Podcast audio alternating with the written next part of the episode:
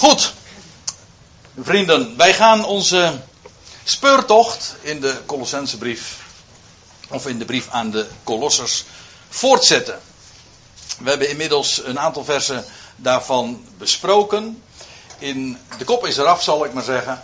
En de aanhef en de groeten en de eerste woorden van de eigenlijke brief hebben we ook gelezen met elkaar en nader besproken. We zijn niet al te veel opgeschoten, maar daar gaat het ook helemaal niet om.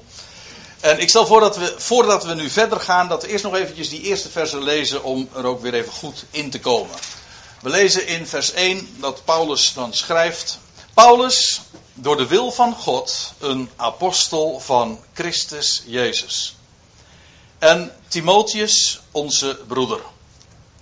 Aan de heilige en gelovige broeders in Christus te Kolossen. Genade en vrede zij u van God, onze Vader. Wij danken God, de Vader van onze Heer Jezus Christus, ten alle tijden bij ons bidden voor u.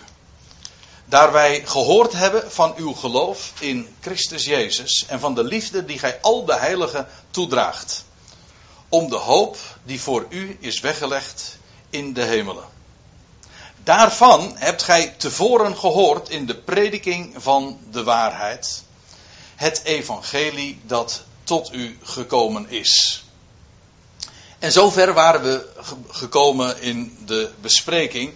En daarom lijkt het me het meest logisch en voor de hand liggend om daar nu ook gewoon weer de draad op te pakken. We hebben wat verteld dus over, nou ja, over dat voorgaande, ook over kolossen, wat, uh, niet eens over de directe aanleiding, want dat zal pas later in de brief ook aan de orde komen.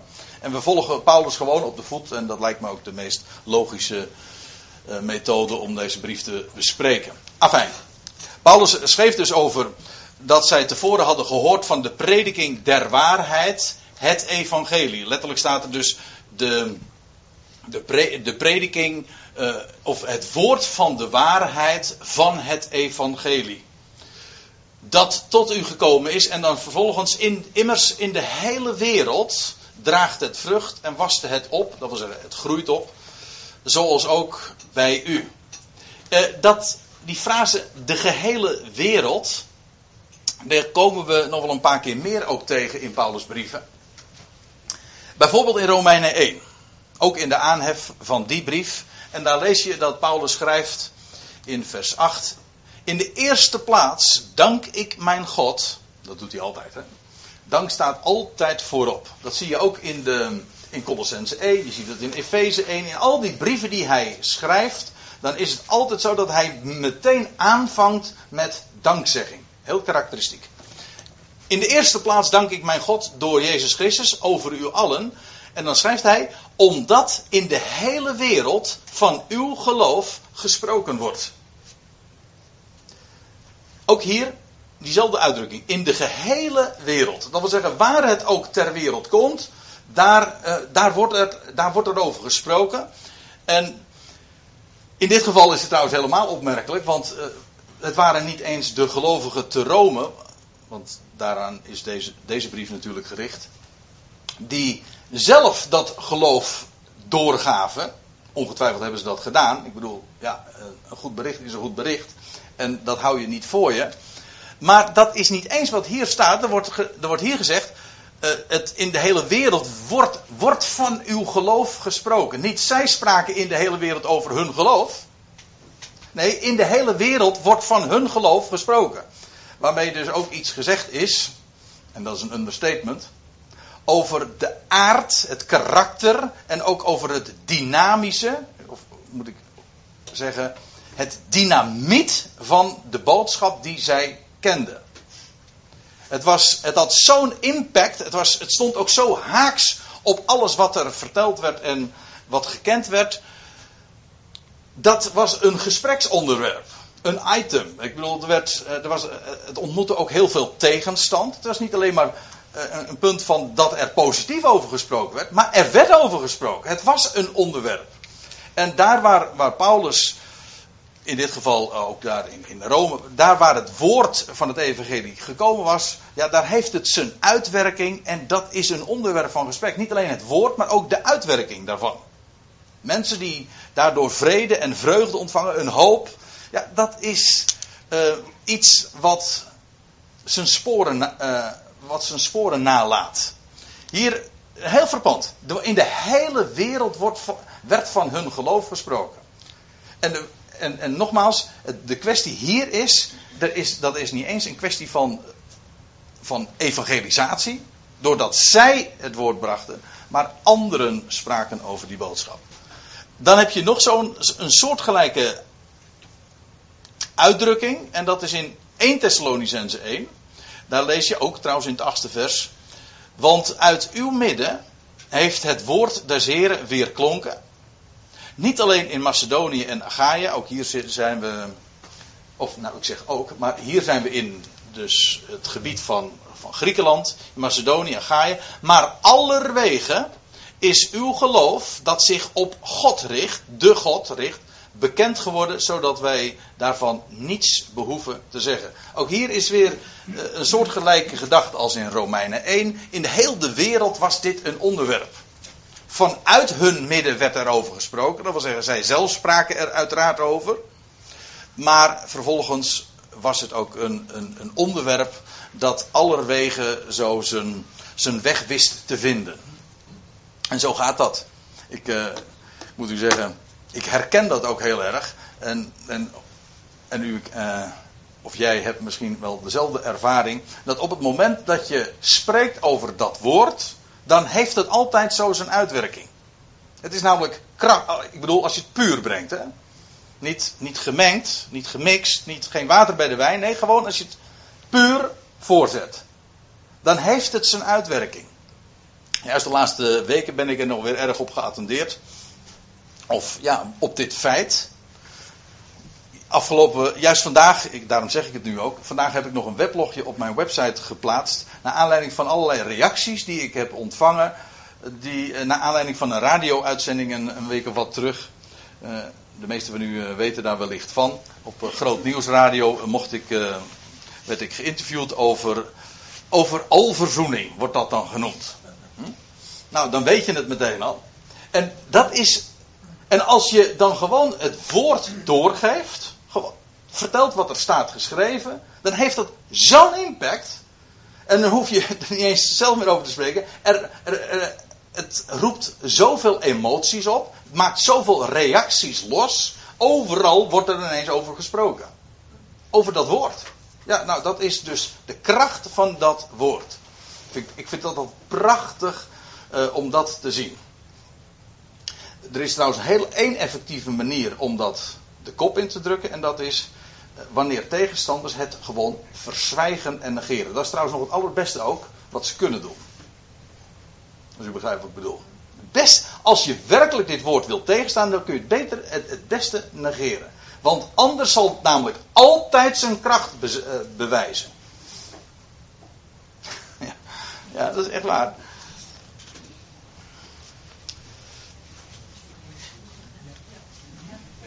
Van snapte dat? Ja, inderdaad. Als je, ja, ik, ik ga er nu even gemakshalve van uit dat eh, de, de, de meesten hier weten wat er toen gebeurd is eh, tijdens die bewuste uitzending. Er was aan het eind iemand die, geïnterviewd, eh, die, die het mij moeilijk moest maken, of in ieder geval, dat heet dan de luis in de pels. En die moest vragen, moeilijke vragen mij stellen. Maar iemand een, eh, een, een bekend evangelisch voorman hier uh, in Nederland. En die, ja, die, moest mij, die moest moeilijke vragen stellen. En er was, eh, hij, hij weigerde überhaupt om het, het onderwerp ter sprake te brengen. Om mij überhaupt aan te spreken zelfs. vragen te stellen of tegenwerpen. Nee, hij wilde er niet eens over spreken. Negeren, dat was het enige. En hoe kon Groot Nieuws Radio het in zijn hoofd halen? Nou, groot nieuws, hè? Groot nieuws radio. Hoe konden ze het in hun hoofd halen om zulk groot nieuws, nu zeg ik het even met mijn woorden, om dat zo'n podium te geven? Dat moet je negeren, moet je verzwijgen. En dat is inderdaad waar. Dat is, dat is de beste manier, dat is een tip die ik dan aan tegenstanders geef. Dat is de beste manier om de boodschap tegen te staan, om het te negeren. Want op het moment namelijk dat het klinkt, doet het zijn werk is, bewijst het altijd zijn kracht. Dat heeft niks te maken met degene die de boodschap doorgeeft. Nee, dat heeft het, het is niet, niet de evangelist is een kracht Gods. Nee, het evangelie is een kracht Gods. En dat bewijst zijn werk op het moment dat het verteld wordt. Ja, ik vind, ik vind het prachtig, zo, zoals dat inderdaad gaat. Hier in Thessalonica was dat ook gebleken en Paulus uh, spreekt daarover of schrijft daarover in, de, in dat eerste hoofdstuk. Dus in de hele wereld deed het zo zijn, de, de, dat verhaal de ronde. En daar hoefde Paulus vaak niet eens zelf bij te wezen. Ja, u denkt van eh, wat, eh, wat voor weer is die, maar dat is die lamp hoor. U, u denkt, dat gaat zeker over bliksem en donder. Nee. Oké. In de hele wereld draagt het vrucht en wast het op, schrijft Paulus, eh, zoals ook bij u. Dat beeld vind ik wel mooi. Het is uh, het beeld van, een, van zaad dat in de grond wordt ge, gestopt. En, of zaad dat gezaaid wordt, vandaar ook dit beeld. Paulus die eigenlijk als, als een zaaier rondgaat. Dat is een prachtig beeld van eh, het evangelie doorgeven en spreken. Je, je zaait, en daar hoef je helemaal niet kwistig, of nee, eh, daar hoef je helemaal niet zuinig op te zijn. Je kunt gewoon kwistig zaaien. En inderdaad, het is waar. Het valt lang niet altijd in goede aarde, maar daar hadden we het al even over. Maar dat maakt niet uit, want als het verteld wordt, dan, dan, rolt, dan rolt, een deel, met dank aan uh, de gelijkenis die de Heer Jezus ooit vertelde in Matthäus 13. Een deel komt op steenachtige bodem en een ander deel op platgetreden paden. Hoe vindt u die? Ja. Maar, of in struik, of in, de, in dorens en distels, ja. Maar er een deel komt ook in goede aarde. Daar waar het ontvangen wordt, waar, het, waar de grond toebereid is en waar het, waar het woord zijn kiemkracht ook kan bewijzen. In de hele wereld draagt het vrucht en wast het op. Dus eerst is Paulus degene geweest. Nou ja, ik zeg het niet eens helemaal correct. Want hier in Colosse was het niet Paulus geweest, maar daar kom ik zo direct op uh, over te spreken. Het is uh, Epaphras hier in Colosse geweest. Maar hoe dan ook, als Paulus ergens kwam, of wie dan ook, het evangelie wordt gebracht, het wordt gezaaid. En dan zal het altijd ook opwassen en vrucht dragen. En zo schrijft Paulus erover: in heel de wereld draagt het vrucht, wast het op. Uh, zoals ook bij u. Uh, de dag, vanaf de dag dat gij het gehoord hebt.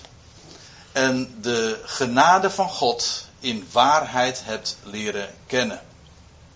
Vanaf de dag dat gij het gehoord, gehoord hebt. Want u weet, het evangelie, dat is een boodschap die gehoord wordt. Geloof is uit gehoor. Wel, op het moment dat zij het hoorden. En daar ook werkelijk zij daaraan gehoor gaven. Ik kan het ook anders zeggen hoor. Dat de Heer je oren daarvoor openzet. Dat is allemaal hetzelfde hoor. Als jij, daar, als jij daar oor voor hebt, dan komt dat gewoon omdat God degene is die jouw oren daarvoor opent. Of als u een ander zintuig wil hebben, als je er zicht op krijgt, dan is dat omdat God jou daarvoor de ogen opent. Nou, hier is het, uh, het idee, er wordt een bericht verteld, er wordt een bericht gezaaid, het wast op en het draagt, en draagt dan vervolgens ook zijn vrucht. Trouwens, ik zeg dat al eventjes als, als een voorschot op wat we in een later stadium ook nog zullen bespreken. Maar dan zijn we inmiddels in Colossense 2 gekomen. Dat duurt nog wel eventjes. Maar daar lees je dat ook dat beeld van geworteld en gegrond. En dat is niet voor niks dat Paulus dat beeld gebruikt. gebruikt. Waarom? Omdat juist daar in Colosse, daar was Paulus buitengewoon blij over wat daar gebeurde en hoe, hoe het woord daar ontvangen was. Maar niettemin, er, waren, er kwamen leringen die hen van de genade van God en van de rijkdom die er is in Christus probeerden af te brengen.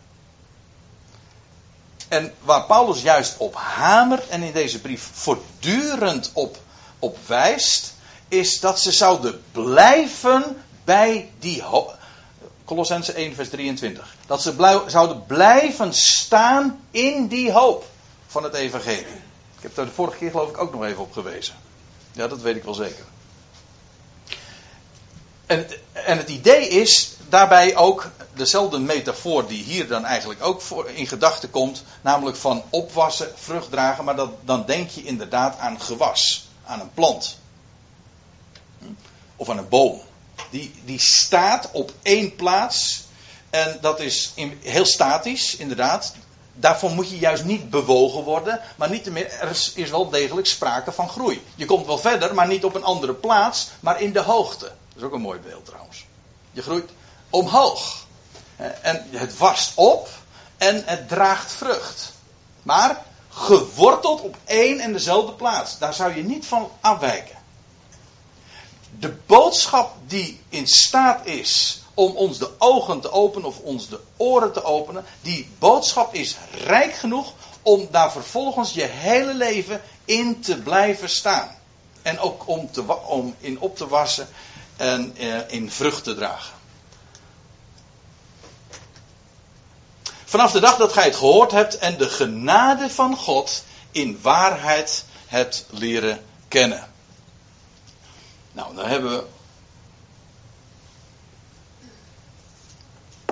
Dan hebben we hier een prachtige bevestiging van wat het woord van de waarheid is.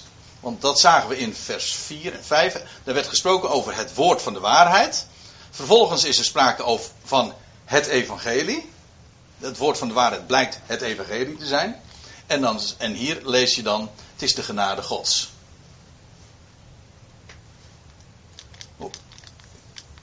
Laat ik het dan nog eens een keer lezen. Uh, daarvan hebt gij tevoren gehoord in het woord der waarheid, dat staat er letterlijk, in het woord der waarheid, het evangelie, dat tot u gekomen is. Immers in de hele wereld draagt het vrucht en wast het op, zoals ook bij u. Vanaf de dag dat gij het gehoord hebt en de genade Gods in waarheid hebt leren kennen. Waaruit dus deze waarheid, uh, waardoor uh, deze waarheid zichtbaar wordt, namelijk het woord van de waarheid, dat is het evangelie, het goede bericht, en dat is de genade Gods. Want dat is immers wat zij gehoord hebben vanaf het begin, vanaf de dag dat gij het gehoord hebt, en de genade van God in waarheid hebt leren kennen. Het evangelie is niets anders dan de boodschap van Gods genade.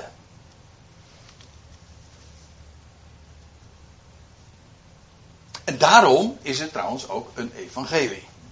Want het evangelie, ook dat is een hint meteen ook naar het verstaan van deze brief en ook naar de, om, om, de, om de achtergrond ook te onderkennen van deze brief. En dat zul je altijd zien, of je nou de Galatenbrief of in de, in de Romeinenbrief, al die brieven die de apostel heeft geschreven, altijd komt dat weer uit de verf. Namelijk dat mensen zich willen laten, zich laten afbrengen van, van de genade van God. Het, in de praktijk komt het erop neer, men verwacht weer wat van de mens. Dat blijkt hier in Kolossen ook het geval te zijn, tenminste dat dreigde. Maar de boodschap is de genade van God. En weet u waar ik dan aan, aan denk? Aan die woorden die we lezen in Titus 2, waar Paulus ook spreekt trouwens over het evangelie. En dan zegt hij in het tweede hoofdstuk van die brief, elfde vers. Want zij, schrijft hij, de genade van God is verschenen, heilbrengend, letterlijk staat er trouwens, uh, reddend voor, of ja, heilbrengend, maar heil is redding, nietwaar? Heilbrengend voor alle mensen, en dan staat er nog achter, om ons op te voeden. Waaruit trouwens ook volgt dat die genade van God niet alleen heil brengt voor alle mensen, maar bovendien ons, om ons die geloven, voedt het ook nog eens een keer op. Dat, is niet, dat doet niet wet. Nee, genade voedt ook op. Maar even bij de les blijven in die zin dat de genade Gods, want het gaat hier over de de boodschap van Gods genade die daar in Kolossen had geklonken, vanaf het begin. En zij hadden de genade van God in waarheid leren kennen. En wat was die waarheid van de genade Gods? Wel, dat is die genade Gods die is reddend verschenen is aan alle mensen. Het is zo simpel. Je kunt het evangelie zo kort vertellen. Het is de boodschap aangaande de redder van deze wereld. Dat is Jezus Christus. Hij gaf zijn leven op Golgotha. Hij stond op uit de doden. Voor wie? Nou, voor alle mensen. Dat is de boodschap. De genade Gods die is verschenen. En dat is wat, wat Paulus ook deed klinken. En, en in, in de, de brief aan Timotheus schrijft hij dat ook. Hij zegt van ja, hierom arbeiden wij om dat bekend te maken. En daarom worden we ook gesmaad. Om er, omdat wij ons vertrouwen hebben gesteld op de levende God die een redder is van alle mensen. Allemaal woorden van gelijke strekking. Dat is het getuigenis waar hij voor stond. Dat is ook genade, want het betekent dat het dus helemaal niet afhankelijk is van onze reactie. We kunnen tegen wie dan ook zeggen, wie, al die miljarden mensen, wie je ook tegenkomt, wat hun achtergrond ook is, jij bent zijn eigendom. Jij bent, jij bent zijn eigendom en bovendien, hij is degene uh, die jouw redder is.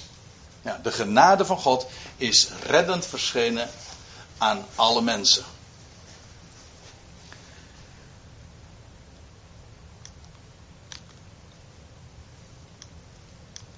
En dan, nog dat laatste woordje ook. Uh, de genade Gods uh, in waarheid hebt leren kennen. Ja, er staat in het Grieks een, woord dat is epignosis. Daar wordt wel eens moeilijk over gedaan. Maar epignosis, dat woordje epi betekent boven of op.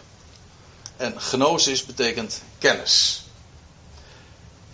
En dat wordt hier uh, gewoon vertaald met het leren kennen. Maar letterlijk is het is meer dan alleen maar kennen. Het gewone woord voor kennis heeft te maken met, met gnosis. Maar het is iets wat daar bovenuit gaat wat daar bovenop ligt. Epignosis. En, we, en het verhaal daarover, ja, daaromtrent is heel simpel te vertellen. Je kunt namelijk iets weten, dat is gnosis. Dat is gewoon informatie, dat is, dat is data. Dingen die je leert en je weet dat. Ja, maar er is, dan is het alleen nog maar gnosis. Maar er is iets wat daar bovenuit gaat en waar het feitelijk om gaat. Namelijk dat die informatie, die wetenschap, waarde voor je gaat krijgen. Dat je het ook gaat realiseren. In de Concordant Version wordt het inderdaad ook uh, zo vertaald. Realizing. Of realize. Afhankelijk van hoe het precies vervoegd moet worden. Maar realiseren. Of ons wordt beseffen. Dat is eigenlijk hetzelfde. Epignosis is inderdaad besef. Je kunt iets weten zonder het te beseffen. En juist op het moment dat je het gaat beseffen, dan gaat het zijn waarde bewijzen. Als alleen, het begint natuurlijk bij weten. Je moet eerst iets horen. En, iets, en dus ook weten. Pas daarna kun je het beseffen. Als, het, het begint dus altijd bij weten. Maar daar, daar, zou het niet bij blijven. Dat geldt trouwens ook. Uh, is heel praktisch in de, in de opvoeding. Je geeft je kinderen dingen mee, hè, zodat ze weten hoe het zit. Ja, maar alleen weten is, is niet genoeg. Dat wil zeggen, het zal pas waarde voor ze gaan krijgen op het moment dat ze het gaan, gaan beseffen wat het betekent. Ik bedoel, je kan, je kan wel weten dat je heel erg rijk bent. Ja, maar, maar besef je het ook? Dat geldt voor alle dingen trouwens in het leven. Je kunt van alles weten, maar als je het niet echt beseft, ja, dan zal het geen, geen waarde voor je hebben. In de praktijk is het trouwens zo dat je vaak besef van dingen krijgt, doordat je, doordat het, uh, doordat je in problemen bijvoorbeeld komt, tegenslag, moeite. tegengewerkt wordt, conflict. Juist dan kom je tot besef. Als het allemaal, uh, allemaal heel voorspoedig en voor de wind gaat, dan kom je dikwijls niet tot besef. Neem nou uh, iets heel simpels, wat we allemaal uh, weten als gezondheid. Gezond, de waarde van gezondheid ga je pas beseffen. Nou, hoeveel mensen zou ik niet, niet dat kunnen vragen om dat om te bevestigen? De waarde van gezondheid ga je pas beseffen op het moment dat je ziek bent. Als je het kwijt bent. En trouwens, dat geldt, eh, geldt ook voor in relaties. Hè. Je, hoe waardevol iemand is voor je, dat ga je pas beseffen. Ga je pas echt beseffen. Vaak. Ja, als het te laat is. Maar ik bedoel, als iemand weg is. Als, als, als iemand er niet meer is. Dat is toch zo? Ja, daarvoor kun je het ook al heel goed beseffen. Maar toch, wat iemand werkelijk betekent, dat ga je eh, beseffen, realiseren op het moment dat zo iemand er niet meer is. Afijn, dat, dat besef, dat is, waar het, dat is het woord wat hier gebruikt wordt. Ik kom er straks waarschijnlijk nog even op terug, omdat dit woord door Paulus nog later in deze, in deze verse nog uh, ter sprake gebracht wordt. Het wordt diverse keren gebruikt. Zij hebben de genade van God in waarheid leren kennen. Dat wil zeggen, tot besef daar zijn, eh, zijn, zij, van, uh, zijn zij daarvan gekomen. Ik vind het een schitterende beschrijving van wat, wat het betekent om een gelovige te zijn. Wat is een gelovige? Even helemaal aan de hand van, wat, van de woorden die hier gebruikt worden. Een gelovige, dat is iemand die tot besef is gekomen epignosis, van wat de genade van God is. In waarheid, hè? Niet verdraaid, niet vermengd. Tussen twee haakjes. Het loutere feit dat Paulus dat hier al zo noemt, geeft aan dat dat ook een kwestie was in Kolossen. Maar dat is ook altijd weer het geval. Dan wordt, dan, je kunt wel woorden als genade gebruiken. Ja, maar als je in de praktijk daarvan afwijkt, en dat daar toch weer menselijke elementen bij komen, dan is het geen genade Gods in waarheid meer. Maar dan is het, ja, leugen. Want op het moment dat je. Genade is puur, of het is geen genade. Zoals gratis puur is, en anders is het niet gratis. De genade van God in waarheid hebt leren kennen. Dat wil zeggen, tot besef daarvan uh, bent gekomen. Zoals gij, en dan lezen we verder in vers 7, zoals jullie het hebben vernomen van Epaphras, dat is onze geliefde mededienstknecht, letterlijk staat er onze medeslaaf, die voor u een getrouw dienaar van Christus is. Deze Epaphras was dus degene van wie uh, de mensen daar in Colosse, die Paulus hier aanschrijft, van wie zij de boodschap hebben vernomen. Paulus is zelf niet in Colosse geweest. Dat schrijft hij in hoofdstuk 2 ook nog. jullie hebben mijn aangezicht niet gezien. Maar zij, zij, hebben de boodschap vernomen van Epaphras. En, dat was, en Paulus beschrijft hem als een geliefde medeslaaf. En die voor hen een getrouw dienaar uh, of een, letterlijk staat er trouwens een gelovig dienaar. Ja, faithful. Het woordje pistos, dat is uh, in het Grieks het woord voor geloof. Een gelovig dienaar van Christus is. Dat wil zeggen iemand die bij die geloof bracht.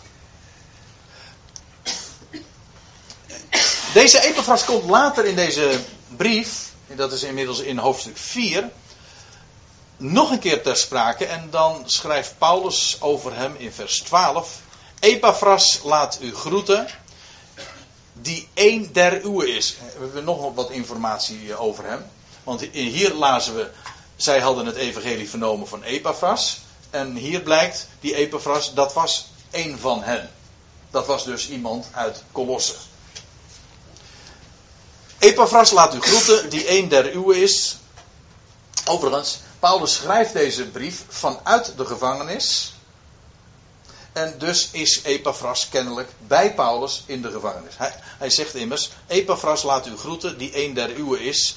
Een slaaf, hetzelfde woord, een slaaf van Christus Jezus. Altijd in zijn gebeden voor u worstelende, dat gij moogt staan, volmaakt en verzekerd bij alles wat God wil. Ook hier zie je wat er, dat er toch heel wat aan de hand was daar in Colosse, of in ieder geval heel wat dreigde. En waar Epaphras zich ooit voor had ingezet, namelijk hij had daar het evangelie verteld. Het had, zij hadden het gehoord, ze, hadden het, ze waren tot besef en erkenning daarvan gekomen. Nu ging het erom dat ze daar ook zouden, bij, zouden blijven staan. En, en Epaphras was altijd in zijn gebeden voor hen worstelende. Dat wil zeggen, het, het was voor hem werkelijk een, een gevecht. Uh, het hield hem buitengewoon bezig. En het was voor hem zo belangrijk al dat gij moogt staan. Heb je het weer? Dat gij moogt staan. Dat wil zeggen ook blijven staan. Volmaakt. Dat wil zeggen volwassen ook. En verzekerd bij alles wat God wil. Ik lees even verder in, in vers 13. Dit was vers 12 van Colosse 4 en nu vers 13. Want ik ken. Uh, ik kan, sorry zegt Paulus dus over Epaphras. Hè? Want ik kan van hem, van Epaphras, getuigen dat hij zich vele moeite heeft gegeven voor u en voor hen die te Laodicea en te Hierapolis zijn. En ik heb u de vorige keer laten zien op een kaartje dat die plaatsen Laodicea, die we vooral bekend is vanuit het boek Openbaring natuurlijk, maar ook Hierapolis, dat waren plaatsen die zo in de nabije omgeving op enkele kilometers afstand van Colossus zich bevonden. En dat, dat schrijft Paulus dus over Epaphras. Hij, komt maar, uh, alleen in deze brief komt zijn naam voor. Maar Paulus heeft een buitengewoon gunstig getuigenis over hem. Hij heeft zich vele moeite gegeven, niet alleen daar in, in Colosse, maar ook in Laodicea en daar in uh, Hierapolis. Zodat we met die scha betrekkelijk schamele gegevens toch een aardig beeld krijgen van deze man. Een, met recht dus een getrouw dienaar. Hij was niet alleen maar iemand die de boodschap daar gebracht had en hen doorgegeven had. Nee, hij was ook iemand die daarbij bleef en zich ook inzette in de gebeden dat ze daar ook bij zouden blijven. Dat was een worsteling voor hem.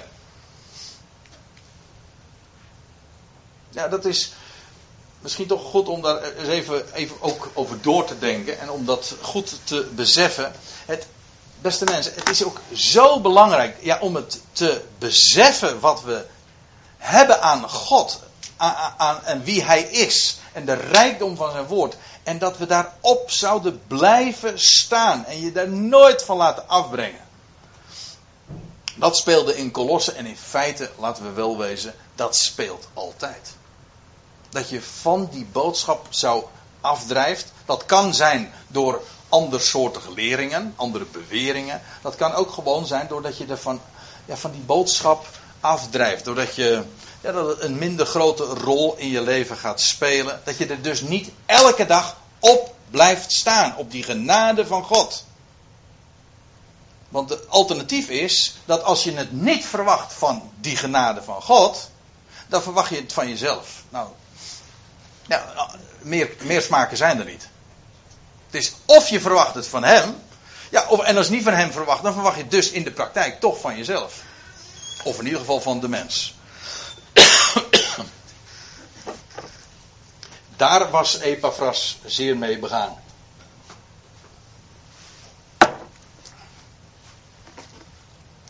We, we, lezen verder in vers 8. En die ons ook, het gaat hier dus nog steeds over uh, die Epaphras, die getrouwd dienaar. En ons ook, kenbaar ons, dat is dus Paulus en Timotheus die deze brief schrijven.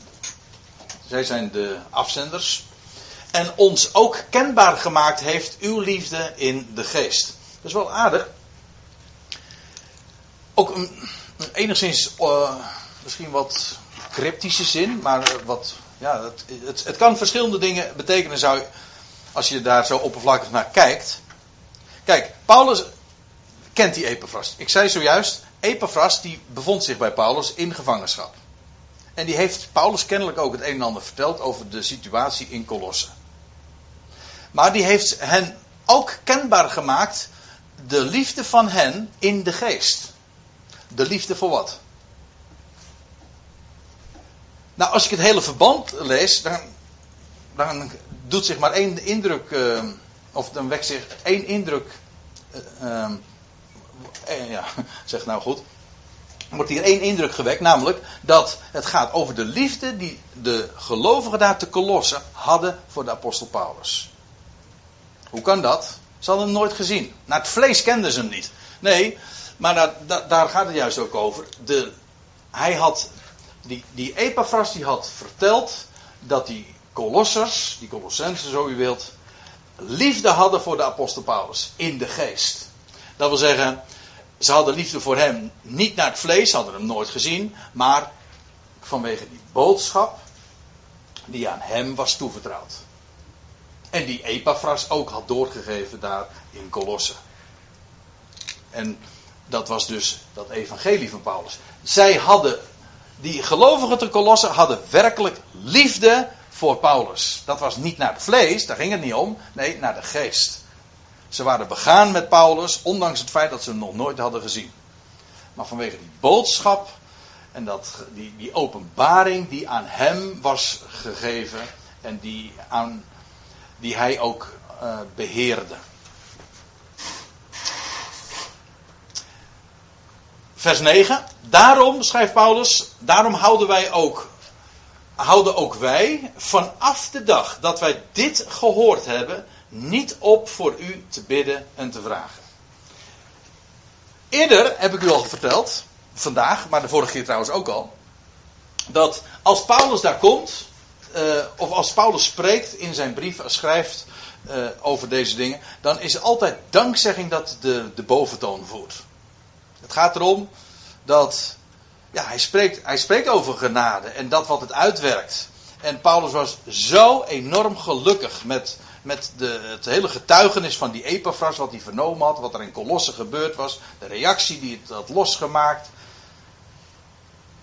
En daarom zegt, en hij, en in vers 3 of wat was het, vers 4 hebben we al gelezen, Paulus dankte God al, elke dag, vanaf het begin.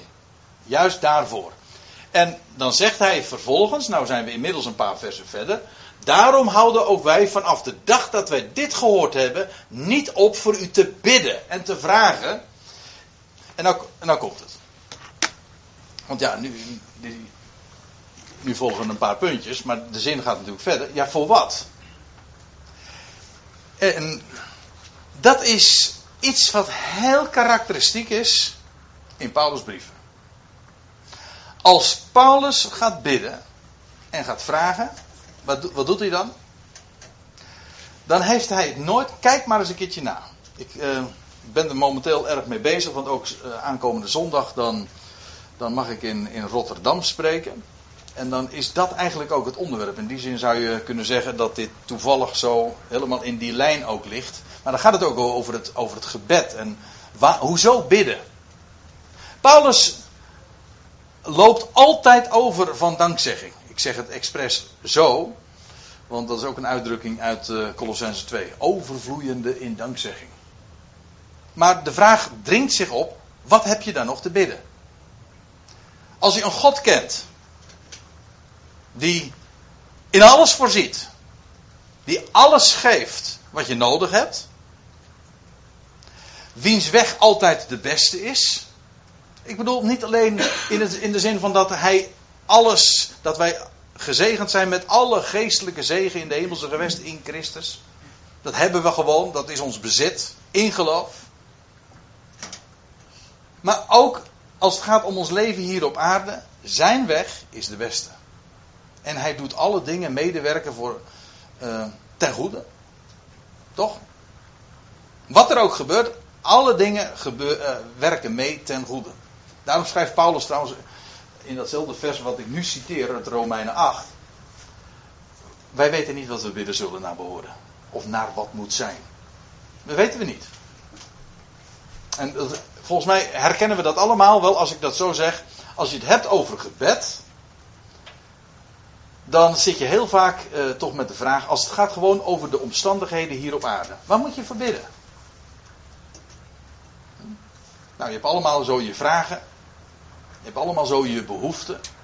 Je hebt allemaal zo je, dingen, je onderwerpen, misschien niet eens, die je uh, niet eens aan een ander zou willen vertellen. Maar gewoon, maar het kan ook gewoon heel, heel zo primair zijn, doordat je je werk kwijt, uh, je, je werk kwijt bent geraakt, of je baan uh, op het spel staat, of het gaat om je gezondheid. Dat is, niet waar? Dat zijn dingen waar je, waar je, voor, waar je voor bidt. Dat zijn gebedsonderwerpen. Maar nou ga ik u iets vertellen en misschien is dat wat revolutionair voor u. Bij Paulus vind je dat nooit. Kijk het maar na. Ik heb nog nooit gelezen dat Paulus daarvoor bidt. En nou moet u even goed luisteren naar wat ik zeg en wat ik, en wat ik ook niet zeg. Ik zeg dus niet van het is verboden om te bidden voor je gezondheid of het is verboden om te bidden. Daar gaat het natuurlijk helemaal niet om. Het gaat erom dat Paulus daar nooit voor bidt. Dus, dus is geen, uh, geen mening, dat is gewoon een vaststelling. Kijk het maar na in de brieven, maar kijk het eventueel in zijn, de, voor zover we een levensbeschrijving van hem hebben in het boek Handelingen. Daar vind je het evenmin.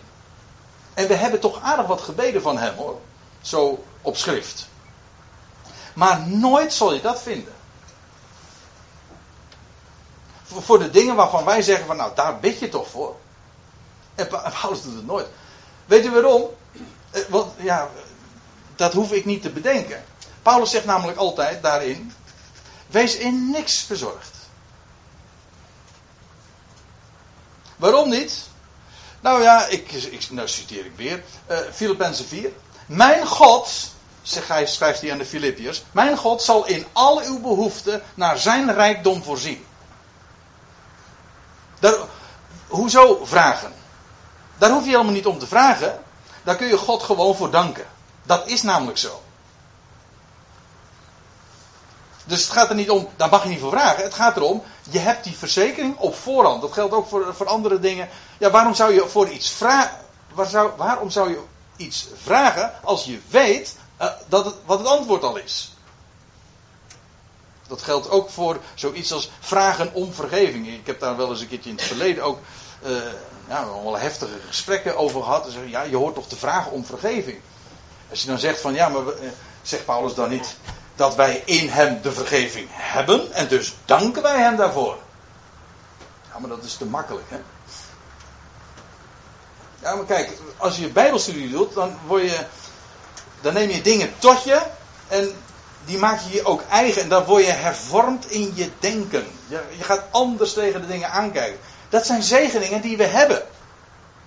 En dat geldt dus voor ons levensweg ook. God geeft wat nodig is. Zijn weg is altijd de beste. En als je zegt van ik heb behoefte aan dit. Kijk, al je wensen kun je gewoon bij hem bekendmaken. Dat is trouwens ook Filippenzen 4. Geen enkel punt. Maar staat, er staat er meteen achter met dankzegging. Hè? Weet je waarom? Al je wensen kun je bedank, met dankzegging bij hem bekendmaken. Want of hij geeft het. Of hij geeft het niet, maar dan komt het omdat hij iets beters heeft. Dus hoe dan ook, het is altijd het, het, is het beste namelijk wat hij met jou gaat. Ook al begrijp je dat helemaal niet, maar wij, missen dat overzicht. Daar moeten we ons verder ook helemaal niet druk over maken. Zijn weg is de beste. Dat, daar hoef ik niet voor te vragen. Je kunt natuurlijk zeggen, ik bid voor, uh, ik, ben, bid voor de gezondheid van, van, van mezelf. Of je, je hebt uh, iets ernstigs of voor een ander, nietwaar. Natuurlijk, dat is een wens. Maar je kunt God danken voor het feit dat zijn weg de beste is. Maar nou komen we even toch op het punt van, van dit. Hè. Want we, ik, het gaat mij namelijk niet om een algemene bespreking van het onderwerp van gebed. Maar ik wil even wijzen op wat, wat Paulus hier ook doet. Zo typerend voor zijn hele benadering van, van dit hele onderwerp. Wat je hier ziet. Hij schrijft dus over die kolossers. Hij zegt vanaf de dag dat wij dat gehoord hebben, deed hij niet anders dan God te danken. En, zegt hij, we houden niet op voor u te bidden en te vragen. En nou komt het. Dat gij met de rechte kennis van zijn wil vervuld mogen worden in alle wijsheid en geestelijk inzicht. Nou. De rechte kennis. Dit, we hadden het zojuist over dat epignosis, weet u nog? Dat is weer dit woord. Dat is heel jammer. Maar ja, daarom doen we de Bijbelstudie om zulke dingen op het spoor te komen. In de Bijbelvertalingen komt dat niet uit de verf. Want soms vertalen ze dat woordje epignosis met kennis. En dan weer met weten. En dan weer met uh, rechte kennis. Of met erkentenis. Neem me niet kwalijk.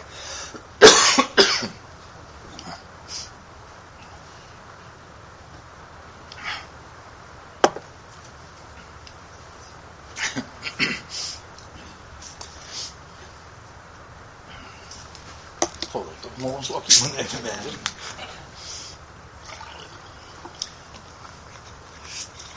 Ja, ik had het dus over de verschillende over de verschillende wijzen waarop dat woord wordt weergegeven. Dat is heel lastig, want dan, dan herken je het weer niet. Trouwens ook een manier uh, waarop het woordje epignosis wordt weergegeven. En met herkennen. Maar dat is nou het punt. Hier wordt niet. ja, men heeft het vertaald met rechte kennis. Is dat nou zo fout? Nou, nee, dat niet. Het is namelijk ook recht kennen. Dat klopt. Maar het, je, wordt er natuurlijk. Uh, het is voor Bijbelstudie is niet handig als één woord dat Paulus gebruikt op tig verschillende manieren wordt weergegeven, want dan weet je niet precies wat hij, wat hij heeft geschreven. Nou ja, daarom doen we dus Bijbelstudie en dan word je op die dingen gewezen. Maar hier wordt dus weer datzelfde woord gebruikt: besef, realisatie. Dat gij met het besef, dat is inderdaad rechte kennis. Hè? Kennis zoals het terecht hoort te zijn. Dat wil zeggen niet alleen maar weten, informatie, dataopslag. Nee, het is besef. Echt beseffen wat iets betekent. Dat is het. Wat in gereformeerde kringen, in reformatorische kringen, genoemd wordt bevinding. Ja. Een aantal van u kennen dat ongetwijfeld wel. Je hebt de bevindelijke prediking bevinding. En nou heb ik het er niet over de, alles wat men daar nog weer vervolgens aan vastknoopt. Want meestal heeft men het dan over het bevinden van je zonden. Maar Paulus spreekt hier niet over bevinding van zonden. Maar over bevinding, besef van de genade Gods in waarheid. Dat is, dat is heel wat anders. Daar gaat het om. Maar even dat woord bevind, bevinding wil zeggen dat, dat, je dat je iets niet alleen maar weet, maar dat je het inderdaad ook ervaart. Dat je het beleeft, dat je het beseft. Dat je werkelijk tot de rechte kennis bent gekomen. Ik zit hier dus niet aan te schoppen tegen deze weergave. Ik wil alleen maar even de, de vinger erop leggen dat dit woord gebruikt wordt. Besef, realisatie. En dan moeten ze opletten wat Paulus dus uh, doet. Vanaf de dag dat hij gehoord heeft. Wat er gebeurd was daar in Colosse. Hij had het gehoord van die Epaphras. Heeft, houdt hij niet op voor hen te bidden en te vragen dat zij met besef van zijn wil vervuld mogen worden in alle wijsheid en geestelijk inzicht. Dat blijkt altijd weer met woorden van deze strekking of u vindt het op talloze manieren geformuleerd. Daar gaat het nu even niet om. Maar iedere keer blijkt dat het grote onderwerp te zijn in Paulus' gebedsleven. Namelijk dat hij, maar ook degene met wie hij te maken had en aan wie de, de boodschap was doorgegeven, dat we zouden gaan beseffen, rechte kennis, epignosis, de, uh, dat we met dat besef vervuld zouden worden. Dat wordt hier ook van die kolossers gezegd. Of in ieder geval, dat, dat bidt Paulus voor hen. Dat ze met het besef van zijn wil vervuld mogen worden. Nou, om nog eventjes één uh, ding te zeggen over dat woord besef. Je leest in, en dat is het laatste waar ik nog even op wijs, en dan gaan we maar even pauzeren, stel ik voor. Je leest in Romeinen 10, uh, ook dat Paulus dit woord gebruikt. Daar wordt het weer weergegeven met verstand. Ja, zoek het maar uit. Hè. In Romeinen 10 schrijft Paulus over zijn uh, volksgenoten, de Joden. Hij zegt: Ik getuig van hen, de Joden, dat zij ijver voor God bezitten, maar zonder verstand. Hier, dat woordje epignosis. Zonder besef. Ze zijn druk in de weer met de Torah. Hij zegt, en ik, ik getuig van hen dat ze een ijver hebben daarvoor hoor. Waar je echt je petje voor afneemt. En daar is niets mis van gezegd. Het is geweldig, wat, die ijver. Dat getuigt Paulus van hen. Trouwens, hij wist maar al te goed wat dat betekende, want hij was zelf zo één. Een hartstochtelijk ijveraar, zegt hij in Gelaten 1, voor mijn voorvaderlijke overleveringen. Een harts, een celoot staat er eigenlijk. Een, ja, wij zouden zeggen een fanaat, een radicalist. Ja, ik getuig van hen dat zij ijver voor God uh, bezitten, maar zonder besef. Ze, ze, hebben de Torah, ze zijn er druk mee in de weer. Het is hun hele leven, ze zijn er altijd maar mee bezig, maar ze beseffen niet waar het om gaat. De Torah betekent onderwijs, maar waar het werkelijk op wijst, of waar het onder de oppervlakte op wijst, om eventjes te, te spelen op dat woordje onderwijs, waar het werkelijk om gaat, dat, dat beseffen ze niet. Want als de bedekking weg wordt genomen, wie zien ze dan daar in de Torah? Op elke bladzijde van de Torah en de hele Tenach, daar zien ze de opgewekte Christus. Maar dat beseffen ze niet. Dus, dus ik kan wel heel druk in de weer zijn. Staat ergens in spreuken ook. Dat is echt het laatste. Er staat ergens in spreuken. Zonder verstand deugt zelfs ijver niet. We kennen dat allemaal. Je kunt natuurlijk vreselijk in de weer zijn en hollen, vliegen, draven. Maar als je je verstand niet gebruikt, als je niet echt weet waar, waar, het over gaat, ja, dan uh, speelt uh, uh, ijver helemaal geen enkele rol. Heeft, waarde, heeft ijver ook geen enkele waarde. Het gaat om besef. Ik stel voor dat we daar straks verder mee gaan.